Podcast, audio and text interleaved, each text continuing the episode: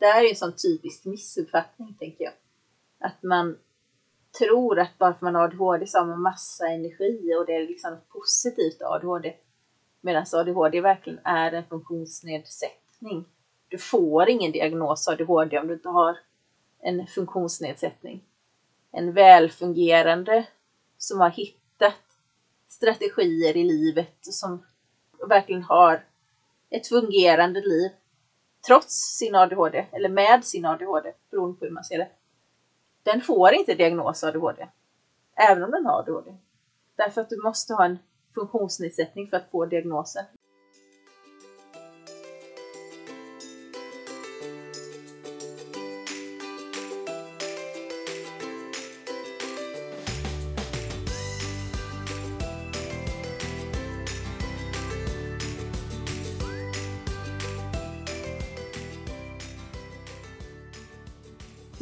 Lyssnar på det 29 avsnittet av Nordlyckans podd med mig Emma. Och nu var det ett tag sedan som jag gjorde en presentation av mig själv så jag tänkte jag skulle presentera mig och min familj lite kort. Jag är mamma till tre barn, Alve, Vide och Tuva. Alve är åtta år, Vide fyra och Tuva två år. Och Vide, min mellanson, har en sällsynt diagnos, ett syndrom som heter MAN 1B1 CDG.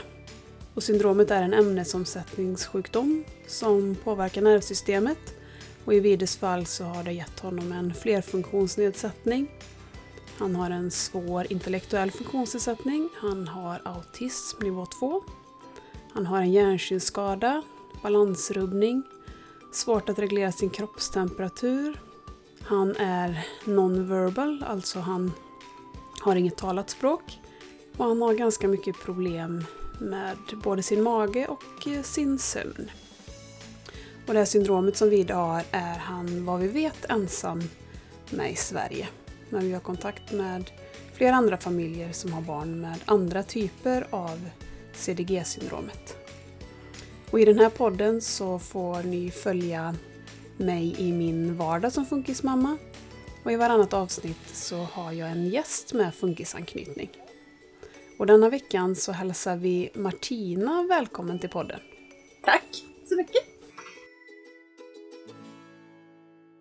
Och jag tycker att detta ska bli jättespännande och har stora förhoppningar om att jag ska lära mig lite nytt idag. För vi ska ju vi ska prata lite olika, men vi ska ju delvis prata om ADHD idag. Ja, jag hoppas också att du ska få lära dig något nytt. Och det är ju ett ämne som jag själv inte jag kan väldigt lite om det och det jag kan är nog mest fördomar tror jag. Så det ska bli jätteroligt detta. Då får vi se om vi spränger fördomarna eller om vi bekräftar dem. Ja. Jag tänker att du kan få börja berätta vilka ni är i din familj och vem du är. Jag heter Martina och är 34 år. Jag är gift och har tre barn. Och i vår familj så är vi en riktig bokstavsfamilj. Alla har ADHD vår familj. Jag har ADHD, min man har ADHD. Mitt äldsta barn är en pojk, han är 10 år och har ADHD. Sen har jag en flicka som är 8 år som har autism som huvuddiagnos och sen har hon ADHD också och DCD, en motorisk funktionsnedsättning. Och sen har jag en tredje som är 3 år och hon väntar på remiss till habiliteringen med frågeställning autism. Och där finns också tydliga tendenser ADHD. Men hon är ju för liten för att man ska kunna säga det än.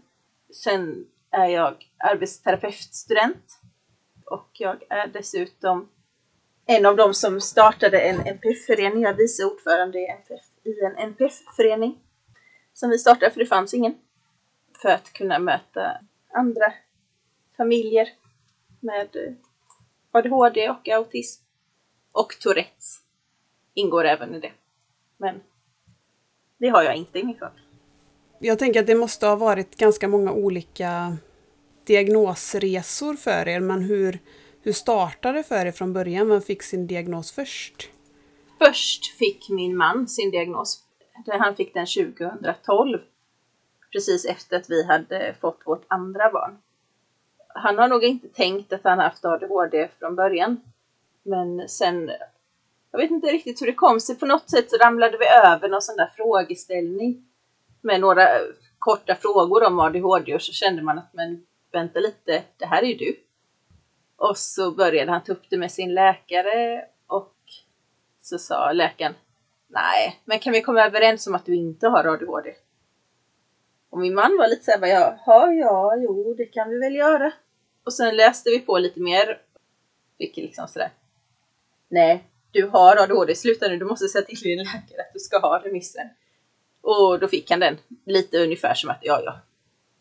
För att då blir du väl tyst. Typ. Men eh, han fick diagnosen klockren ADHD. av psykologen. Så att eh, läkaren hade ju uppenbarligen helt fel. Och hur är det med ADHD? För autism kan man ju få i tre olika nivåer. Hur diagnossätts ADHD? Det har varit lite olika som jag har förstått. Förut var det nog bara ADHD eller ADD. Nu kanske jag är på, nu är jag på djupt vatten, jag eventuellt har fel. Men nu i alla fall så sätter man den i graden svår, medelsvår eller lätt. När min man eh, gjorde sin utredning så han fick ingen grad på sin 2012, men däremot jag och de två, mina två barn som fick diagnos 2019, vi alla fick grader på våra.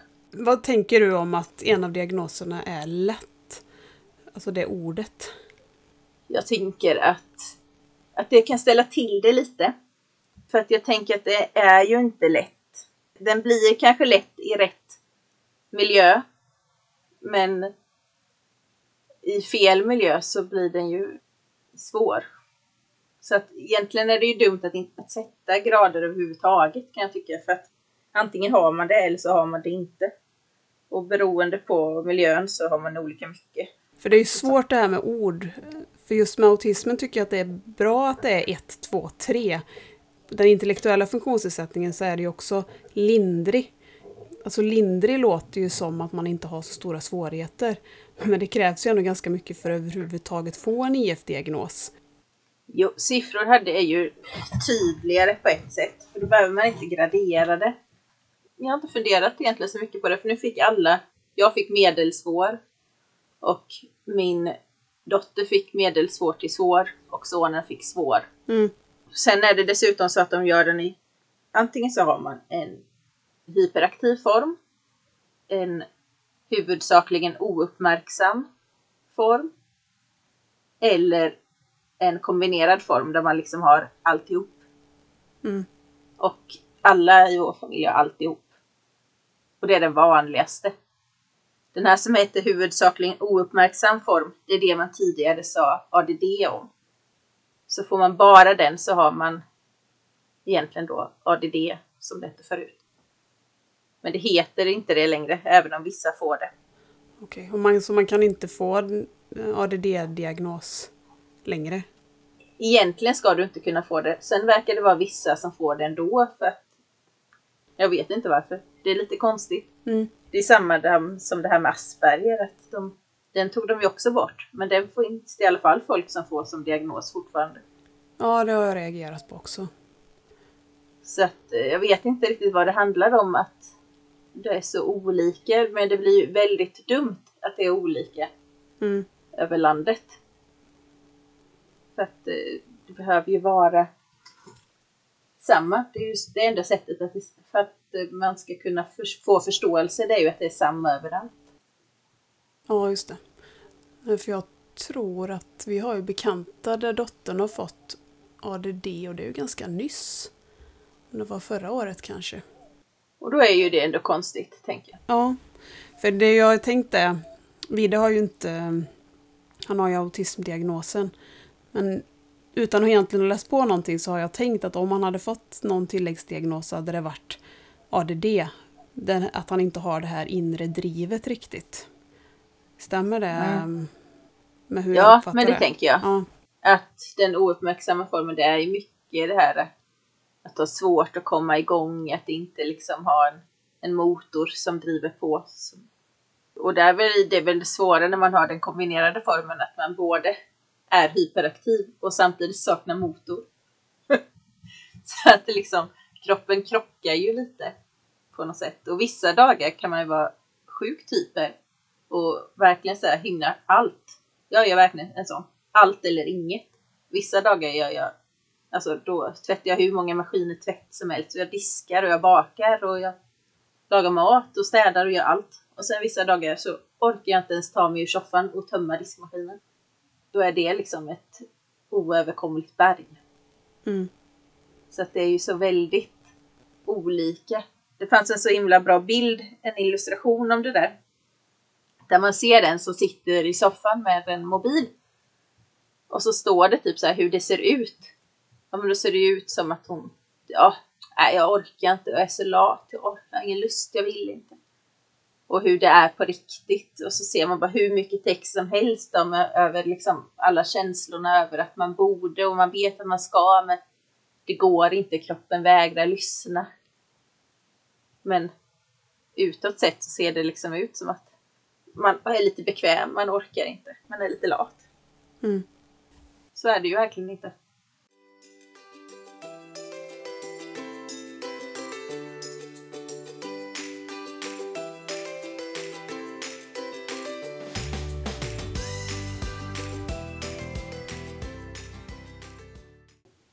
Jag blir lite nyfiken på, jag tänker på att ni valde varandra, du och din man. Har ni funderat någonting på det? För att då hade ingen av er diagnos. Nej, det vet jag inte. Det har vi nog inte funderat på. Men jag tänker att man dras nog mycket till varandra och framförallt det här att vi fortfarande håller samman. Är nog mycket att man ändå någonstans kan förstå varandra. Mm. Och ju mer, eller för varje utredning vi har gjort på något sätt så har man ju fått en större förståelse. Först hans utredning var ju jätteviktig för att man skulle förstå vissa beteenden och så. Men sen min utredning gjorde ju att den sista pusselbiten på något sätt i hela våran familj. Att jag förstod varför jag inte klarade allting eller varför jag inte kunde göra det här som jag tänker att alla andra kan. Men det är ju också lite konstigt sådär när man tänker på det för att när vi höll på och kämpade för makens utredning då hade jag inte en tanke på att jag skulle ha ADHD. Och det var ingenting som du hade tänkt på tidigare under uppväxt eller så heller? Alltså grejen är, jag har alltid, alltid känt att jag inte riktigt passar in. Jag har alltid känt mig lite utanför. Men jag har ju tänkt att alla känner så. Det är ju först när jag blev vuxen som jag inser att okej, okay, nej. Det gjorde inte alla. Man är ju så på något sätt hemmablind i sig själv. Man tror ju att bara för att man själv känner på ett visst sätt så gör alla det. Mm. Det är lite som vi äter ju mediciner i vår familj. och det tror ju liksom den, våran treåring, hon tror väl att alla äter mediciner gissar jag för att så är, gör man ju i vår familj äter ju alla medicin så då gör nog alla det överallt. Ja, just det. Det är ju lite det, man normaliserar ju vissa grejer som man tänker eh, Nej men för man tror att det är så. Man tror att alla har det likadant. Mm. Nej, jag trodde inte alls att jag hade någon diagnos överhuvudtaget. Jag har inte tänkt så. Det var först när, eller det är två huvudsakliga saker. Dels var det att jag läste på när jag skulle utreda dottern. Eller när jag började fundera på om inte hon hade ADHD. Så började jag läsa på om tjejer och ADHD och kände att okej. Okay, här fanns det ju väldigt många saker som stämde överens med mig. Och det andra är, jag vet inte vad jag hade gjort. Jag var väl lite sådär överallt och ingenstans på något sätt gissar jag. Men, och min man lite frustrerad utbrast något om att du har minsann också ADHD, du får också utreda dig. Och jag tyckte liksom, det har jag inte alls slutat nu. Så jag gick in och skulle göra sånt där test på nätet. och man hade över 70 poäng så skulle man börja fundera på att då kanske det var bra att söka då liksom hjälp och få, kanske få en utredning. Jag hade över hundra. Så var okej, okay. ja ja, det kanske finns en sanning i det där. Kände du igen dig själv i din dotter? Jag har egentligen alltid mer känt igen mig i sonen. Vilket är roligt för att jag har ju haft så här mycket saker för mig för att hålla kvar min uppmärksamhet och fokus. Typ hela min skolgång har jag ritat i marginalerna på böckerna för att kunna höra vad läraren sa. Och jag vet att jag gjorde det av den anledningen. Jag vet att jag själv konstaterade, jag hör bättre om jag målar och så målade jag. Och sån är ju sonen lite också. Han måste ju göra saker hela tiden för att kunna hålla uppe sin uppmärksamhet. Men det är ju ändå sådär, du vet, det hade ju inte jag knäckt, knäckt den koden ändå. Att jag kanske också hade ADHD. För det var ju ändå så här, det är mycket så små saker som han gör som jag känner igen mig i och som man har tänkt lite såhär, men så gör ju jag också. Så. Men ändå inte riktigt förstått grejen att ja, men det kanske finns en anledning till att jag också har de här grejerna för mig. Mm. Och hur är det, är det ärftligt ADHD? Ja, det är ärftligt. Jag vet inte exakta siffror, för det vet man inte riktigt eftersom att det är så många som inte har som inte har diagnos eller som där man inte vet att föräldrarna har en diagnos så är det så svårt att liksom göra någon ordentlig uppskattning. Men det är ju väldigt ärftligt och särskilt när båda föräldrarna har diagnos. Jag kan ju se uppåt i släkteled också. Där man kan tänka sig att det kan ha funnits. Mm. Men det, man gjorde ju inte det. det. det. var ju inte liksom, man pratade ju inte så förr. Liksom. Nej. Vem i ordningen var du att få diagnos i familj? Sist. Sist ut, ja. Vi gjorde på ett halvår 2019 så avklarade vi tre sådana här neuropsykiatriska utredningar. Oj, det låter intensivt. Det var otroligt intensivt. Jag var också sjukskriven då för utmattning. För att när sonen var först ut, han fick sin diagnos i början på maj. Och när vi äntligen kom till de här sista stegen utredning, då var det ungefär som att jag slappnade av i kroppen och bara okej, okay, nu har vi fått den hjälpen vi har försökt få i så många år. Och då kollapsade jag typ. Så då blev jag ut, utmattad och sjukskriven för det. Så jag var sjukskriven i nästan ett år. Inte på heltid, men i olika grad. Så att under tiden jag var sjukskriven så gjorde jag, eller rätt jag gjorde ju min utredning efter honom egentligen, men jag fick inte svar på den förrän efter sommaren. För att jag fick göra min utredning på sådana här återbudstider. Så den sista detaljen i utredningen det var intervjun med anhörig, då min mamma. Och den gjordes inte förrän efter sommaren. Så det var också lite jobbigt att så här, i början på sommaren sitta och göra alla grejer i juni och sen fick jag inte diagnos förrän i slutet på september. Och hur går utredningarna till? Är det skillnad på när barnen har gjort sina utredningar mot ni vuxna? Lite skillnad är det. I min utredning så träffade jag psykolog en hel dag typ, där jag gjorde massa intelligenstester och koncentrationstester. Och jag träffade läkaren som frågade olika saker med, mer medicinsk historia och så. Och lika så lite diagnoskriterier. Och så träffade jag en arbetsterapeut som gick igenom hur vardagen fungerar och inte fungerar och hur det har varit genom livet.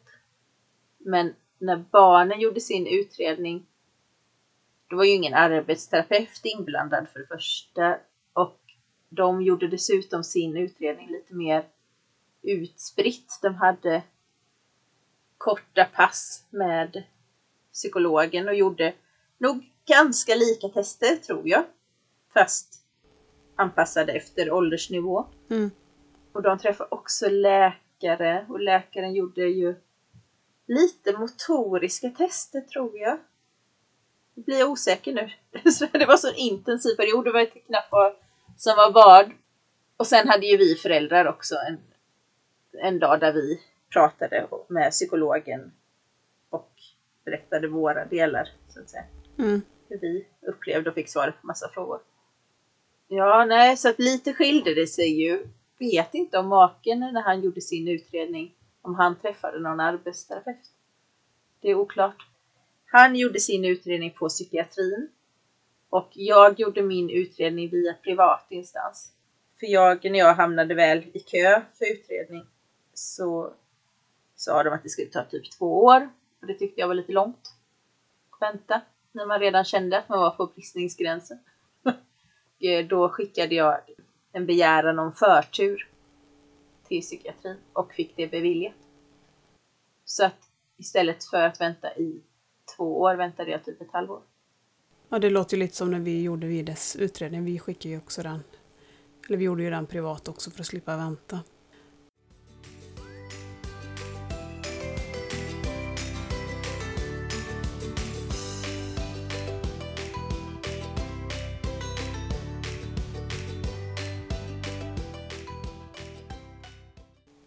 Kan man få, när man gör den utredningen, är det bara riktat mot ADHD då eller skulle ni kunnat få andra diagnoser, till exempel autism också?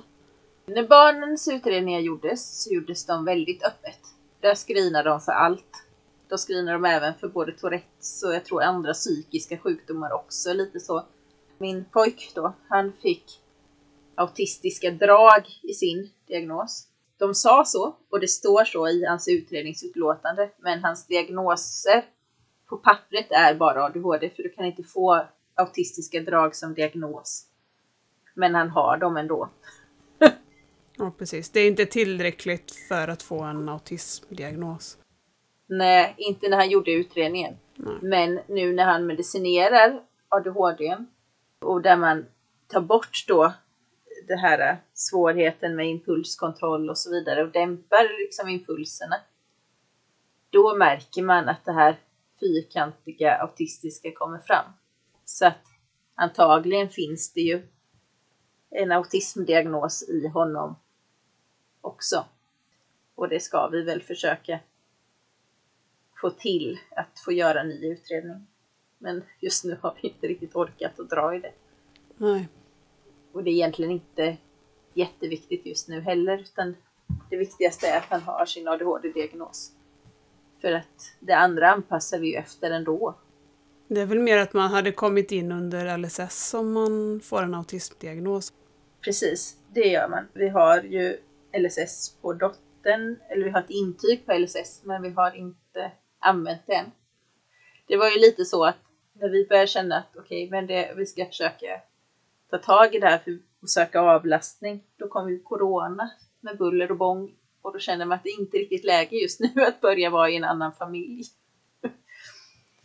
Så tänkte vi, då väntar vi till hösten. Men ja, vi får väl se hur länge vi får vänta då. Ja, det är ju det.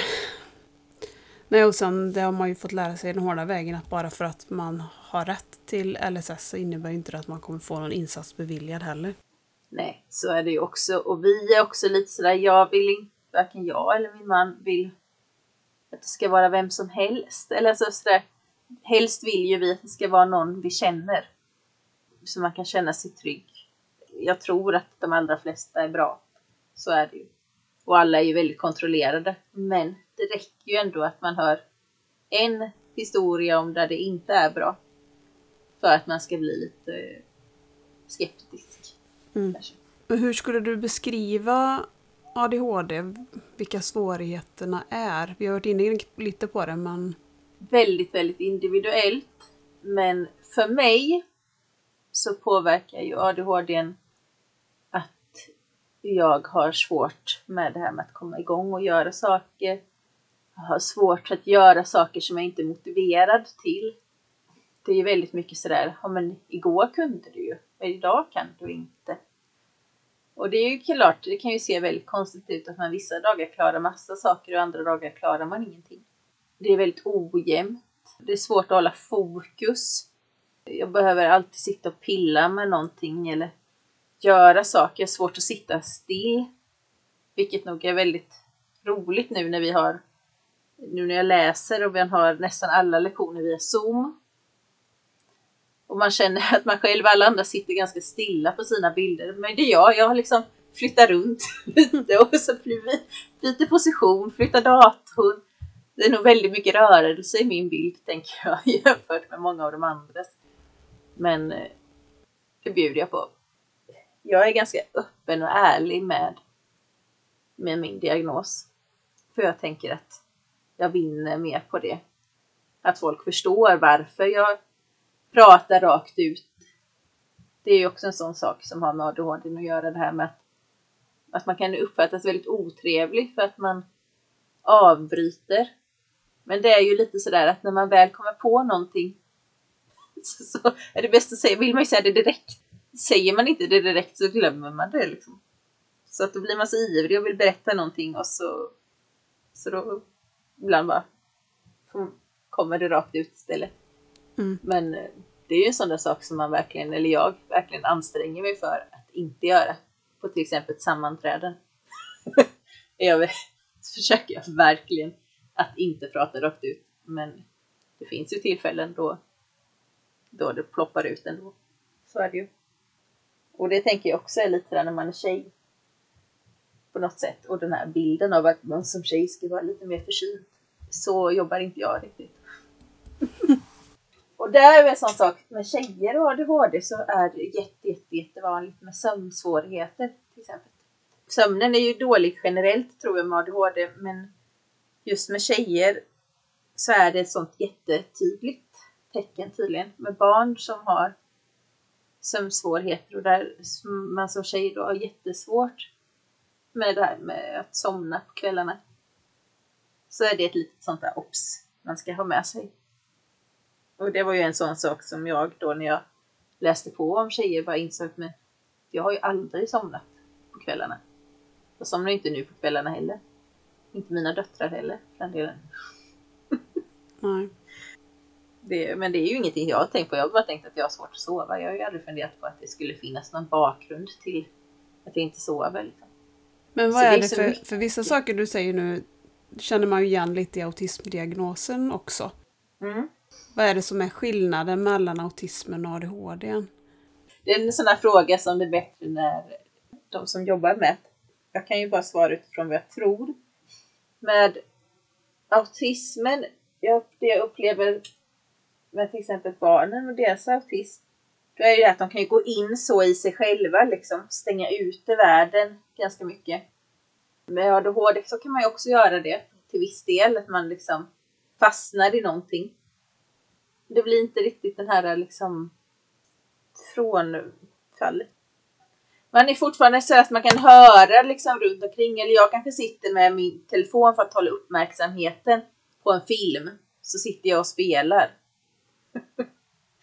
och det ser ju sjukt otrevligt ut. Och det ser ut verkligen som att jag inte alls tittar på filmen. Men det gör jag ju. Jag håller ju uppe min uppmärksamhet med hjälp av telefonen. Medan dottern till exempel, sitter hon med telefonen då är hon ju helt, alltså hon bara försvinner ju in i sig själv och i sin värld. Hon har ju inte alls den förmågan riktigt då att hålla kvar fokus på någonting annat runt omkring. Och jag tänker också att det här impulsiva, att göra saker, eller det som jag då hela min uppväxt har tänkt jag är lite spontan. Bara, mm, spontan, spontan och impulsiv, det är ju klart, det är två olika sidor av samma sak på ett sätt.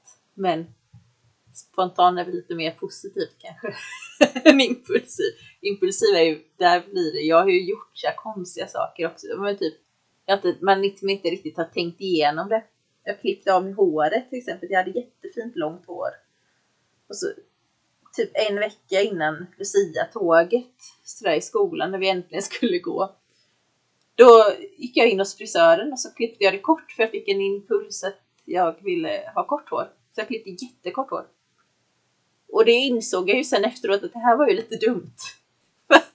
För jag hade ju hellre velat ha mitt långa fina hår och sådär fina lingonkronan som vi skulle ha då i högstadiet. Men det tänkte ju inte jag på. Jag följde ju bara helt och hållet den impulsen.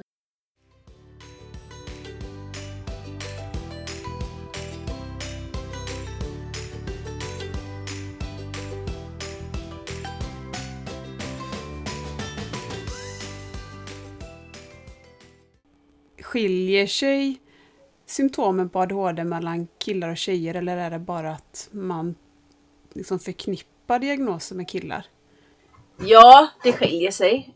Sen är det ju lite så att det finns ju killar som har ADHD på samma sätt som tjejer och tjejer som har ADHD på samma sätt som killar.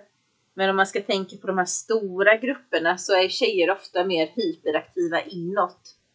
Jag har ju till exempel aldrig i skolan varit en elev som har studsat runt eller sprungit runt i klassrummet och varit inom citationstecken den störiga eleven.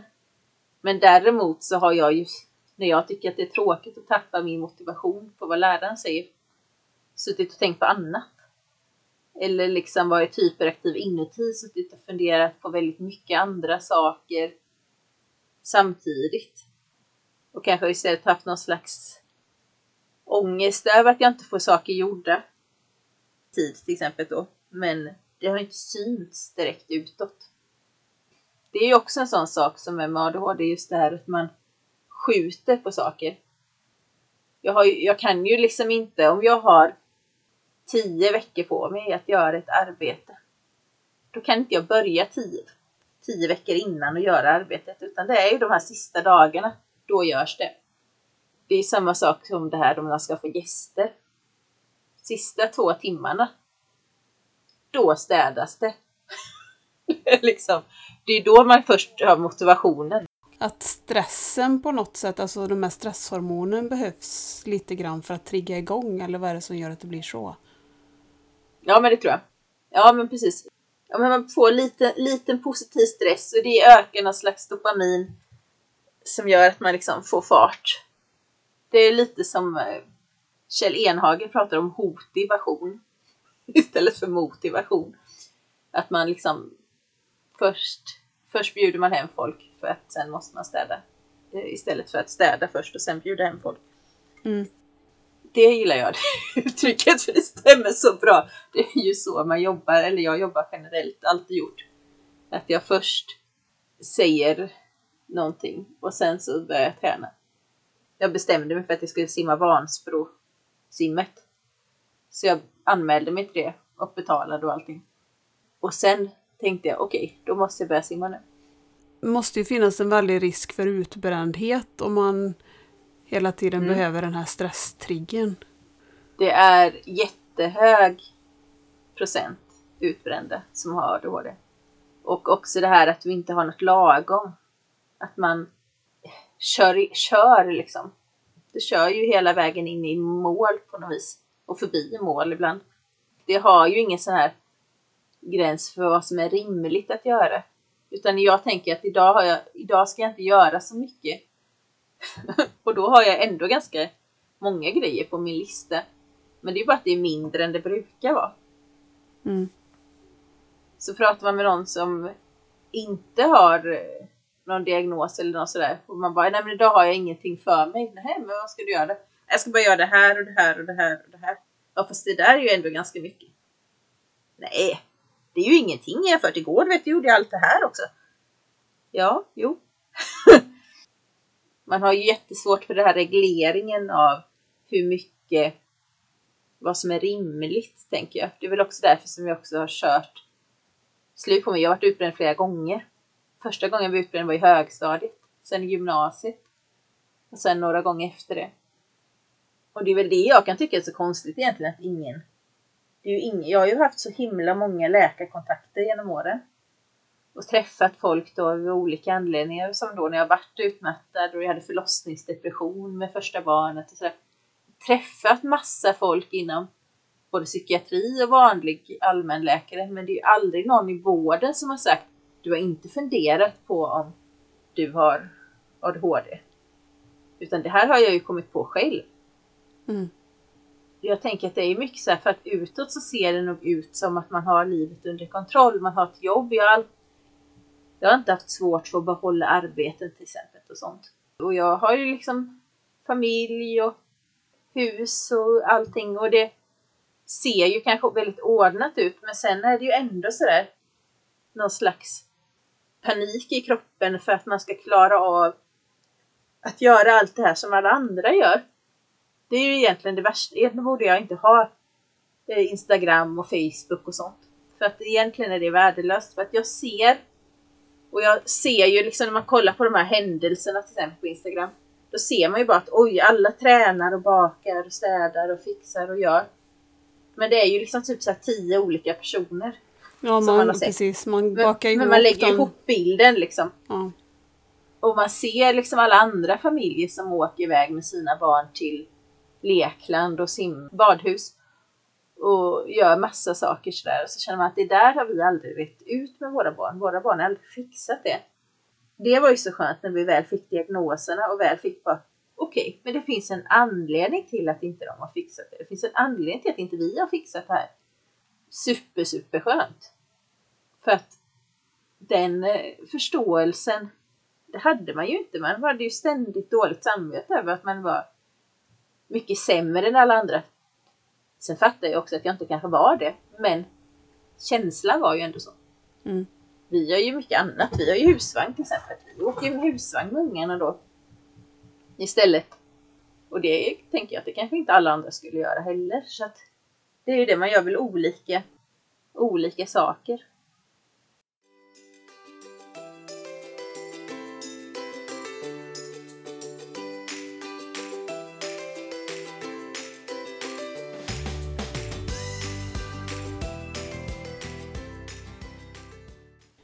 För du pratar om att ni äter, eh, ni äter mediciner.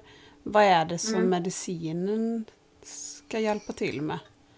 Medicinen ska hjälpa till med att minska impulserna så att man inte liksom är styrd av, av att göra saker hela tiden så fort man tänker på det. Om nu ska jag det, det, det. Alltså så. Att liksom lägga ett litet lugn över. Jag har ätit medicin och det jag upplevde då det var att mitt huvud blev tyst. Och jag har aldrig insett att mitt huvud inte är tyst. Först det blev det. Min hyperaktivitet sitter jättemycket i mitt huvud. Jag tänker liksom hundra tankar samtidigt hela tiden. Samtidigt som jag gör en sak så tänker jag på en annan och jag liksom tänker så många steg framåt. Så att folk hänger ju inte med riktigt. Och det här att man saknar motor, kan man medicineras mot det också? Eller blir det krockar Mm. där då? Nej, jag tror att... Jo, men det jag märker på barnen när de äter medicin, det är ju att motståndet blir mindre. Eller vad man ska säga, det här som är jobbigt som de inte kanske vill göra eller har jättesvårt för att göra. Dusch till exempel, en sån där sak som alltid har varit jättejobbigt. Dels för att den känns jobbigt och där är väl mycket autismen, men men också själva steget att ta sig in i duschen tror jag. Men senast idag nu så sa dottern att hon tyckte att mamma jag börjar känna att det är roligt att duscha nu. När man har gjort det några gånger då känns det ändå rätt så bra. Jag bara, det var bra. Håll kvar vid den känslan tack. Så vi slipper de här bråken om att man måste duscha. Så att det är ju det lite deras motvilja till att våga, eller vad man ska uttrycka, saker eller till att göra saker, den minskar ju liksom. Det blir ju inte lika svårt att ha med dem i att hjälpa till med någonting till exempel hemma. Och det är som på maken, hans ljudkänslighet till exempel har blivit mycket bättre med medicin. Mm. Där märker man jättestor skillnad mellan till exempel de två första barnen där han inte hade medicin och hur han har kunnat tackla det tredje barnet han hade en medicin som funkade. Och när hon föddes och hennes skrik, det är ju liksom natt och dag. För att ljuden inte alls varit lika eller jag vet inte varför riktigt, men det blir inte på något sätt, av någon anledning blir det inte lika intensivt med ljuden. Nej, för jag har ju läst på mycket om autismen eftersom Vida har det. Och där finns det ju Mm. mycket man kan göra alltså i vardagen som inte har med medicin att göra, men med bildstöd och förberedelse och rutiner och sådär. Men finns det saker med ADHD i vardagen som gör att det underlättar? Där är ju lite samma på ett sätt. Alltså mycket är ju, både ADHD och autism är ju neu- neuropsykiatriska funktionsnedsättningar. Så de, mycket går ju ihop. Och det är väl också därför det är svårt ibland kanske att utreda helt och fullt för och att folk får fel diagnos för att mycket liksom passar in i varandra. Men det är mycket så här förberedelser som du säger. Bildstöd använder ju vi också. Det har vi fått förskrivet. Otroligt bra hjälpmedel verkligen. Och tydliggörande. Listor är ju min bästa hjälpmedel kanske. För mig själv.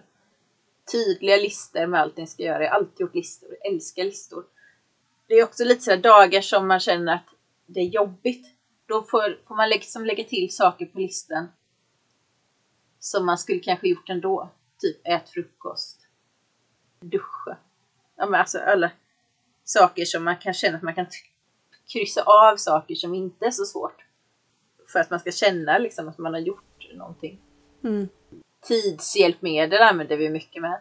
Använder man det bildstödet mer då för, alltså som en hjälp för att få motorn att dra igång, att pricka av, mer än att man ska veta vad som händer? Ja men det är nog både och Ja. tänker jag. Sen är det ju så svårt också för att jag vet ju inte exakt eftersom att mina barn ju då har autism också. Ja, just det. så är det svårt att veta vad som är vad. Men jag upplever ju att den här vetskapen, att de vet vad som ska hända. Och det är ju samma som jag också. Jag tycker om att veta vad som ska hända. Jag gillar inte när saker ändras helt plötsligt. Även om det kan bli jättebra. Det blir också, ja nej men det blir så svårt just där när det ändras eller när man har sagt att man ska hitta på någonting och så blir det inte så. Nu kan jag ju förstå det, eller jag förstår ju varför det blir på vissa sätt och då kan jag acceptera det. Men när jag inte alls kan förstå varför man ska ändra, då har jag svårt för det. Eller det här om folk dyker upp, du vet, knackar på spontant. Det gillar inte jag. det gör inte folk längre i och för sig. Nu bor vi ju så pass mycket utanför så det är sällan någon knackar på. Som man inte vet ska komma. Det är om grannen vill något liksom. Men, men nej, det där med spontana besök som bara dyker upp. det som andra tycker, åh vad mysigt. det tycker inte jag. Och det är väl också det där just att man vill att man vill vara beredd. Ja, man vill liksom själv ha liksom ställt in sig på det. Sen kan det ju räcka med att man får en kvart ibland på sig också. Man vet vem som ringer på. Jag gillar inte att ringa samtal som jag inte vet vem som, eller jag gillar inte att svara om jag inte vet vem som ringer till exempel. Och Nej. jag gillar inte att ringa samtal till någon som har ringt om jag inte vet vad det var de ville. Vissa går ju bra, kanske så här. Mamma, det, det, är inte, så- alltså det gör ju ingenting såklart. Henne kan jag ju ringa ändå. Men har det ringt någon jag inte brukar prata med, då blir man så här. Jaha, är det här ett jobbigt samtal eller är det här ett jätteroligt samtal eller är det bara Hej, hur mår du? Det är nog typiskt ADHD att man tycker om att veta vad som ska ske. Man vill ha liksom kontroll på situationen. Ett kontrollbehov. Men det är nog också, alltså, men det är som du säger, det är också autism i det med. Det är jättesvårt vad som är vad.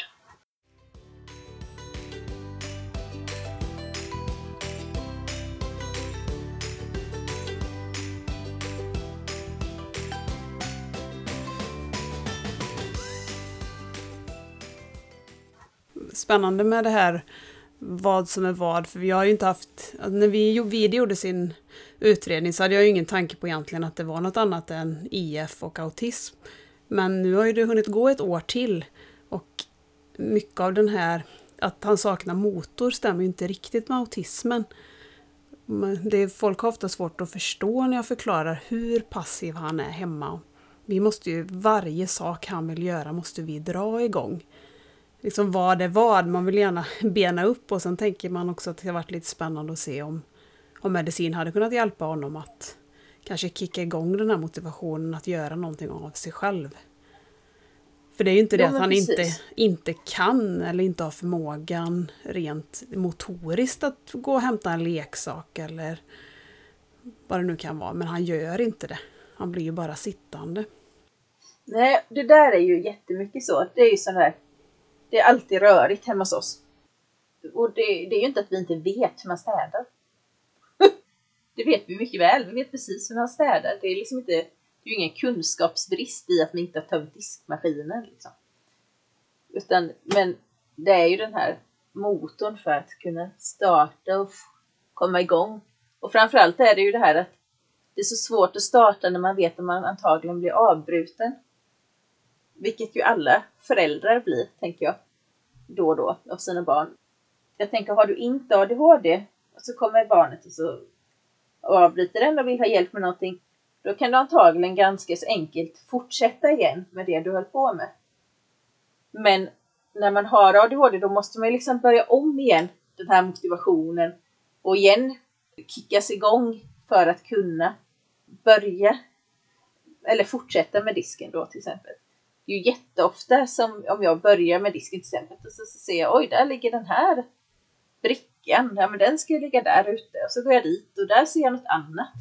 Och så har jag liksom gjort massa små saker och liksom glömt bort det jag egentligen höll på med.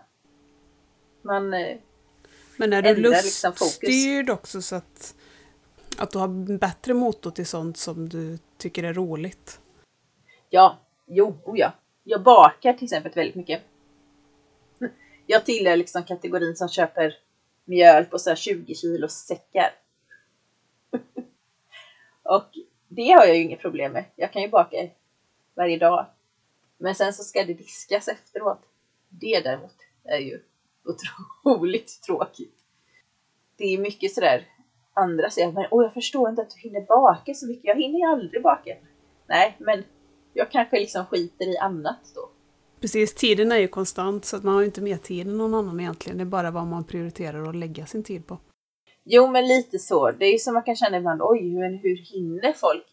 Jag är ju så sjukt imponerad av alla som har det sådär jättefint hemma jämt. Därför att jag fattar inte hur man hinner och hur man orkar hela tiden göra alla de där grejerna. För det är ju verkligen ett ständigt jobb på något sätt för att hålla det liksom fint. Mm. Sen fattar jag ju kanske också att det är lättare om man inte känner inuti sig själv hela tiden varje gång man ska göra något. Att det är ett stort motstånd och att, att det är liksom att man måste liksom dras igång för att klara av det eller att det liksom tar en massa energi. Det finns ju så många sådana där bra liknelser med ADHD. Typ, jag vet att det var någon som sa, jag kommer inte ihåg vem, det är, någon, det är någon av alla poddar jag hört. Att man kan vara en Ferrari med cykelbromsar till exempel. Man har full fräs någonstans men man har inte så lätt för att bromsa sig.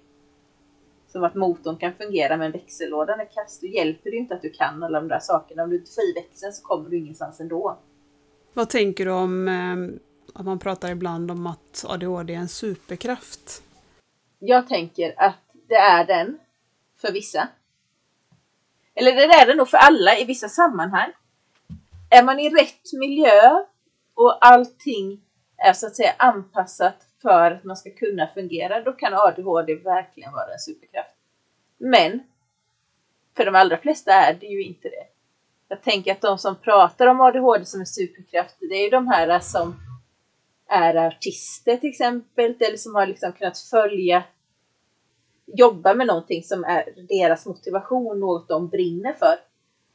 Då är det ju inte så svårt att använda ADHD bra om du får göra det som du verkligen brinner för hela dagarna.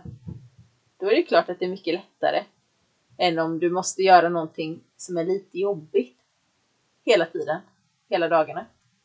Och de allra flesta kan ju inte jobba bra fullt ut med sin dröm liksom. Superkraft, jag kan ju bli lite irriterad. Det var en, en bild på ett väldigt stort Instagramkonto för ett tag sedan där det handlade om eh, ja, men jag behöver lite extra energi och så var det en spruta där det stod ADHD på. Mm. Den bilden togs bort ganska fort. Men det här är en sån typisk missuppfattning tänker jag. Att man tror att bara för att man har ADHD så har man massa energi och det är liksom något positivt ADHD. Medan ADHD verkligen är en funktionsnedsättning. Du får ingen diagnos ADHD om du inte har en funktionsnedsättning. En välfungerande som har hittat strategier i livet som verkligen har ett fungerande liv trots sin ADHD eller med sin ADHD beroende på hur man ser det. Den får inte diagnos ADHD även om den har ADHD. Därför att du måste ha en funktionsnedsättning för att få diagnosen, vilket jag kan ty tycka är helt uppåt väggarna galet. För att du har ju ADHD ändå. Om, om, all, om alla de här anpassningarna du har skulle försvinna, då skulle ju inte livet fungera. Nej. Nej, jag har också väldigt svårt för överhuvudtaget att kalla funktionsnedsättningar, oavsett vilken, för en superkraft. För jag tycker man förminskar ju diagnosen när man anmäler, säger det på det sättet. Det finns ju andra sätt tycker jag att beskriva både positiva och negativa saker än att just använda det här ordet superkraft. Jo men alltså då får man ju säga i så fall, jag använder min ADHD, eller jag har lyckats lära mig att använda min ADHD som en superkraft. Mm. Det kan du ju säga. Och att man kan ju använda liksom sitt hyperfokus, jag kan gå in i hyperfokus. Och då kan jag göra massa saker. En stund. Men samtidigt finns det ju andra vågskalor då. Risken för ångest och utbrändhet. Ångest är en sån sak som jag vet att jag alltid haft däremot. Även som barn. Och det har jag ju fattat att jag hade. Så det är väl lite det jag kanske tänkt ibland att jag har. Att det är ångesten då som har ställt till det för mig till exempel. Medan det då egentligen kanske i vissa avseenden varit ADHD som ställer till det. Mm. Så att det är ju det som är så svårt. Jag kan ju se i, nu när jag vet så kan jag ju se i bakspegeln att okej, okay, jag förstår nu varför det har varit så här. Jag förstår varför jag har gjort de här lite konstiga sakerna ibland.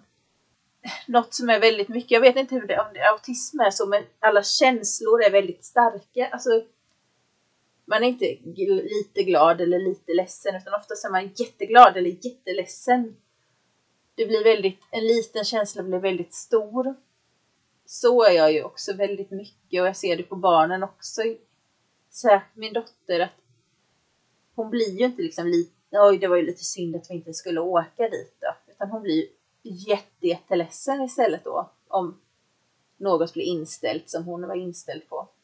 Det är samma som jag, jag gråter ju till alla filmer och ja, du vet. Riktigt så jag tror att jag har den här hypersensitive person eller vad det heter. Att man är känslig liksom.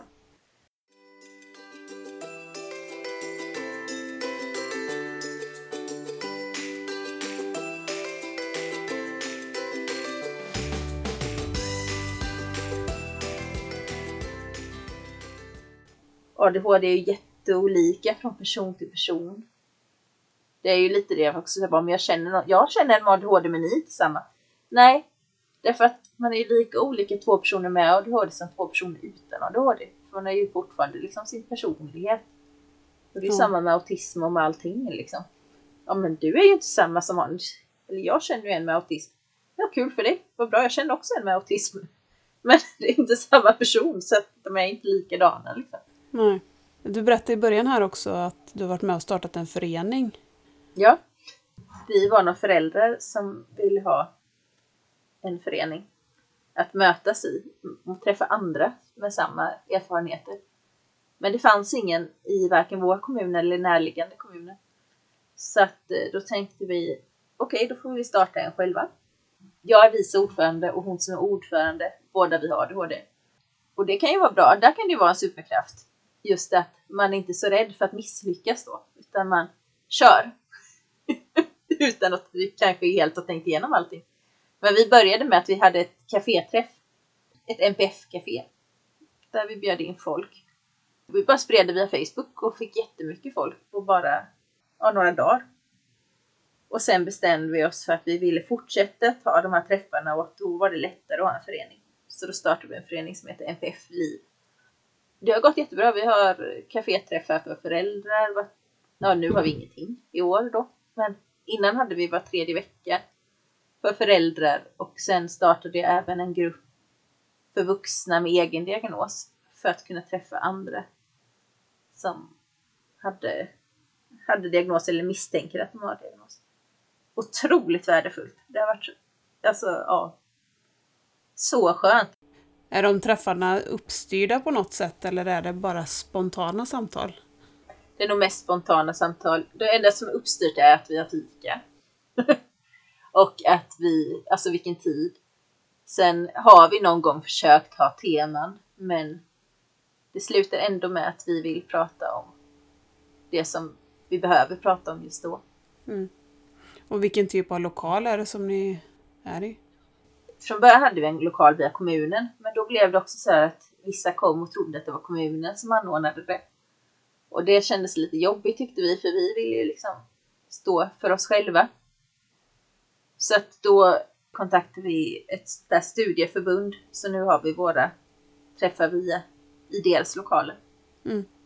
Men man känner ju nu under detta året när man inte har kunnat ha träffarna då, att det är verkligen något man saknar.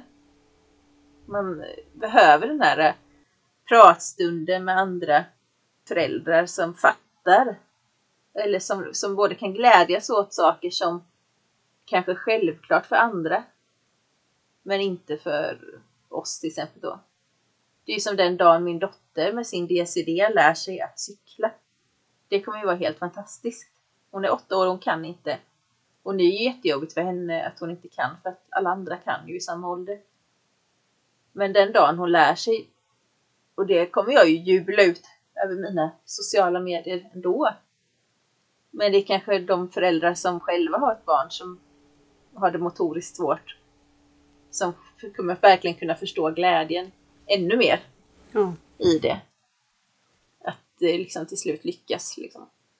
Jag har ju startat en gympa tillsammans med en annan funkismamma i, i samarbete med FUB i Borås. Och där är ju lika viktigt att, att barnen får röra på sig men för oss vuxna tror jag det är lika viktigt den här stunden när vi sitter och dricker kaffe efteråt och man hinner småprata lite. Sen är ju det här året dumt. Vi hade ju förhoppningar om att man kunde gjort, haft familjeträffar där hela familjen kunde vara med eller kanske haft föräldraträffar där bara föräldrarna träffas och så. Men nu vi håller tummarna för att det kommer gå att anordna lite sånt nästa år istället. Ja, det får man verkligen hoppas att nästa år ska, ska gå att göra saker igen. Nu har jag varit lite så att man kanske skulle ha någon digital träff då. Men eh, sen har det liksom inte blivit av riktigt heller. Man har ju hela tiden hoppats att man ska kunna dra igång. Och vi drog igång nu på hösten så vi hade en träff i höst, på hösten och man kände bara åh äntligen, åh vad skönt. Nej, och sen så en vecka eller något efter den så kom det nya bud igen. Ja, det här åtta personer var nej, nej, nej. Ja, Så då fick vi ställa in allt för resten av året. Så har vi det bättre. Det är ingen idé att sätta sig och bestämma massa saker och sen får man ändå ställa in det. Eh, Vi har ju faktiskt kört våran gympa, för att restriktionerna gällde ju inte barn under 12 år var det väl. Sen är vi ju ganska många vuxna med, men det blir också svårt att veta hur man ska göra för att våra barn kommer ju alltid, de behöver ju alltid vuxenstöd på den här gympan. Och ska inte de få gympa då fast alla andras idrotter är igång? Så där har ju varje familj fått ta sitt, alltså man har ju fått bestämma själv om man vill komma eller inte. Så vi har faktiskt Ja. kört, vi har kört hela hösten ändå. Men som avslutningen när vi hade tänkt ha hela familjerna med, där fick vi ju ställa in då så att vi anpassar oss ändå. Men Ja, och man behöver kanske inte vara precis i knät på varandra och det viktigaste tänker jag är att folk är friska när man går dit. ja. Så det blir lite konstigt för hjärnan att förstå hur mycket samhället har fått anpassa sig eftersom barnen har haft sina aktiviteter och våra arbetsplatser har varit ungefär som vanligt. Så för oss har ju inte, alltså vardagen har inte varit så annorlunda ändå. Mer än att man har inte varit bjuden på några kalas och inga fester och man har inte varit på... Men är ni mycket det annars? Jag känner att vi är ju liksom, våran vardag har inte heller varit jättestor skillnad hemma. Förutom det här att man måste vabba med friska barn i två dagar då. Ja, Men, men jag tycker att det har varit lite så här att att vi inte haft så mycket att se fram emot för man har inte haft saker bokade. Alltså vi är inte så här att vi är bjudna på fest var och varannan vecka men ändå då och då att man är bjuden på någon fest där inte barnen är bjudna eller att vi har varit iväg, bott på hotell någon natt och alltså mycket, eller varit ute och Mm. ätit och alltså de här, den här guldkanten har ju försvunnit lite grann. Det blir väldigt mycket bara vardag. Så tycker Jo, jag. vi har ju så lite, vi har, ja vi hade en sån där vi var, lyckades nu ordna upp, när maken fyllde 40 här nu i höstas. Så lyckades vi ordna upp så att både med både hundvakt och barnvakt och på olika håll och sådär. Mm. För att få ett dygn själva. Men vi har ju otroligt lite sån tid. Vi har ju aldrig det.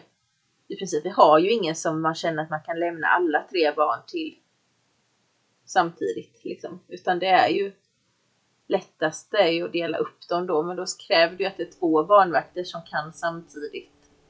Mm. Så att det blir sådär, det blir så många led, det är så mycket meck för att kunna få till en natt bara då någonstans. Ja. Mm. Jag tycker det varit lättare innan när Vide var lite mindre. Jag var som ett litet barn. Desto större han blir, desto mer krävs det ju på något sätt av den som ska passa honom också. Att man ska passa hans toatider och det är mediciner och det är... Det blir ett stort ansvar på den som man ska passa honom. Jo, men så känner jag också. Och så mycket det här. Ett litet barn som har de här, eh, så att säga, externa för sig. Det är lätt förminskande kanske, men de har de här grejerna för sig. Att de inte kan göra vissa saker. Det är som min minsta, hon är väldigt selektiv i maten med vad hon vill äta och inte äta. Det är inte så lätt alltid. Ja, men hon äter det, men du måste lägga maten så, du måste göra så. Ja, men har du sagt att det ska vara på ett visst sätt, då måste du göra det. Du kan inte säga någonting och sen ändra dig, då kommer ni inte få en bra dag. Och det är så mycket sådär, man känner att man behöver skicka med en manual typ. Mm. Och när de var mindre så var det på något sätt lättare. Därför att man har mer överseende tror jag med att ett litet barn har behöver ha saker på ett visst sätt. Men ju större ett barn är desto mer tänker man att de ska klara detta själva. Mm. Ja, fast nu gör de inte det. Och då, och då måste man ju liksom acceptera det. Ja. Ja, men det är väl det som också som jag kan tycka är så svårt. Det är ju det här eh, ojämna. Om man tänker som i autismen. De kan, i vissa avseenden är de så otroligt långt fram. Och i vissa avseenden är det som ett litet barn.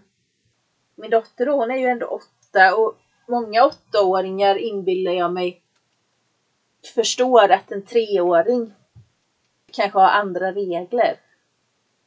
Eller att en treåring gör på ett visst sätt. Till exempel äter med händerna. Och att det kanske är okej. men att det inte är okej när man är åtta. Men det har ju hon jättesvårt för. Hon har Mm. jättesvårt för att kunna förstå det här när vi kanske har, ett har överseende med att lilla syster gör en viss sak. Men inte när hon gör det. Nej, precis. Och så blir man ju sådär, men du är ju åtta år, det borde du förstå. Så känner man nej, du har också, har också autism och den ställer till det för dig. Blir ju så frustrerad för man tycker ju att men du borde du kunna, vi har sagt det här så många gånger. I Vides fall tror jag ofta att autismen döljer många förmågor som vi tror att han inte har eftersom han har IF-diagnosen också. Mm. Att vi inte riktigt förstår hur mycket autismen påverkar honom i det som han hade kunnat om han fick rätt, rätt förutsättningar att lyckas med dem. Alltså att man gav rätt kommandon eller förklarade på rätt sätt och så. Jo, men precis. Och det tänker jag är också, vi hade en sån incident här på förskolan. Där för minsta hon har väldigt, hon är väldigt känslig i sina händer eller sin hud. Duschar inte till exempel. Idag fick jag faktiskt tvätta hennes hår för första gången på jag vet inte när. Men då är det ju liksom en liten mugg med vatten man får hälla. Det får absolut inte vara duschstrålar för det ljudet är jobbigt och känslan är jobbig. Hon badar i baddräkt. Liksom. Så hon är ju väldigt känslig. Hon vägrar bada naken för det, det fixar hon liksom inte. Så vi jobbar på det. Men då hade hon i alla fall, hon hade inga vantar på sig. Och sen visade sig, vi såg hemma att hon hade ett litet sår, men förskolan hade ju bara sådär att varje gång vi satte på henne vantarna så grät hon och drog av sig dem. Man kan ju känna då bara, ja men Ja, och vad berodde det på att man grät? Om någon som brukar vilja ha vantar helt plötsligt inte vill ha dem och gråter på dem, då är det ju antagligen någonting som är fel. Men hon säger ju inte det då, utan då blir hon bara ledsen och så stänger hon ner. Liksom. Mm. Istället för att säga, hemma hade hon nog sagt att hon hade sår liksom. Hon vill ha plåster. Hon älskar plåster. Det har en extremt hög förbrukning plåster i det här hushållet. Inte för att de slår sig utan för att det går åt ändå. När man väl har börjat fatta de här små koderna som de ändå visar. De visar så tydligt när man bara tittar. Ibland orkar man inte titta. Eller orkar inte liksom förstå alla de här grejerna. Nej. Och verkligen sådär. Jag fick byta innan och ropa på min man för att jag var hon har jättemycket sådär att hon ska trolla bort en fot varje gång man byter blöja. Och så ska man säga oj, var är foten? Och så ska man hokus pokusa fram den och så kommer den igen då liksom. slänger den åt sidan bara. Och man bara mm. Och det gör man ju liksom. Man har ju inget val, man gör ju de där grejerna. Men man har gjort det sådär tio gånger per dag. På att trolla foten, trolla handen och trolla allt vad det är. Då bara orkar man inte. så bara, jag, känner man liksom hur tålamodet bara försvinner. Man är ju lite såhär, man orkar inte anpassa hela tiden men man vet ju att anpassar man eller gör de här sakerna som de har fått för sig då funkar ju livet bättre. Men det tar ju sjukt mycket energi mm. av en. Men vi har ju haft väldigt mycket utbrott tidigare och jag tror egentligen alltså, att de har inte försvunnit. Det är bara vi som har lärt känna honom bättre och se till att de situationerna inte uppstår på samma sätt. För att vi visste inte bättre så att vi framkallar ju de där utbrotten hela tiden innan. Till exempel stängde av tvn utan att förbereda honom. Mm. Eh, alltså sådana små saker som skapar väldigt mycket kaos tidigare. Jo men precis, vi använder ju sådana time timer. Har vi mm. fått från, ja, från arbetsterapeuten på BUP. Den förtydligar ju tiden så bra. Den är ju helt fantastisk. För då kan man ändå sätta in så här, visa att om, om tio minuter ska vi sluta. Mm. Fattar ju inte att det kan göra en sån stor skillnad i hur barnet mår. Bara en liten himla klocka med röd tydlig visare som visar ner tiden. Mm. Det är ju helt fantastiskt ändå att, att så små saker kan göra så stor skillnad. Det är ju liksom därför jag ska, eller vill bli arbetsterapeut överhuvudtaget. Det är ju all den här hjälpen man själv har fått. Mm. Och all kunskap man samlat på sig genom åren. Tänker att det är bra att ja. använda den till något annat än att bara använda den hemma. Det känns fint att tänka att, det, att man kan dela med sig den till andra som står där och är frustrerade föräldrar. Ja, vilken gåva att få en arbetsterapeut som själv har lite förståelse för hur det är att leva i en funkisfamilj, tänker jag. Ja, men jag har haft en sån arbetsterapeut. Och det var ju så skönt, för hon sa ja men, det ja, men det här har funkat för oss. Men vad skönt, då kan man ju ändå känna att det är ju trovärdigt. Ja, precis. Du, nu måste vi försöka avrunda. Det känns som vi har kunnat prata hur länge som helst, men jag ska försöka ja. klippa ner detta till ett lagom lyssningsbart avsnitt också. Det var superroligt att prata med dig. Det du har gett så mycket konkreta exempel också på hur ADHD påverkar framförallt dig själv, så att det är lite lättare att förstå då. Det är bra. Det ska bli väldigt spännande att höra det här sen. jag har ingen aning om vad jag har sagt. Man känner, man vet inte. Man bara pratar och så bara, ja. ja. Och en timme låter alltid så länge innan och sen blir det alltid så här att oj oj nu får vi sluta prata. Ja precis, jag ska gå in och hoppas att mina barn har fått sina sömnmediciner så att de sover. Ja, mina sover nog förhoppningsvis. De var trötta idag. Och sambon ska snart åka till jobbet så då får jag lite sån här stund när jag förhoppningsvis får vara helt själv. Det är inte så ofta. Det är lyx. Ja, det är det bästa. Tack så jättemycket för att du ville vara med och berätta. Ja, tack för att jag fick vara med. Det, det var roligt och lite sådär skräckblandad förtjusning. Tack för samtalet. Ja, tack själv. Ha det så bra. Ja, hejdå. Hejdå. Och tack till er som har lyssnat på veckans avsnitt. Om du vill komma i kontakt med mig så kan du skriva till mig på emma.nordlyckan.com. Och glöm inte av att gå in på nordlyckan.com och titta in poddens merchandise. Jag säljer fortfarande både muggar och tygpåsar med funkisstjärnan på. Som ett sätt att synliggöra funktionsvariationer. Kanske på arbetsplatsen eller som en julklapp till assistenten eller resursen eller till farfar. Så hörs vi igen om en vecka. Puss och kram!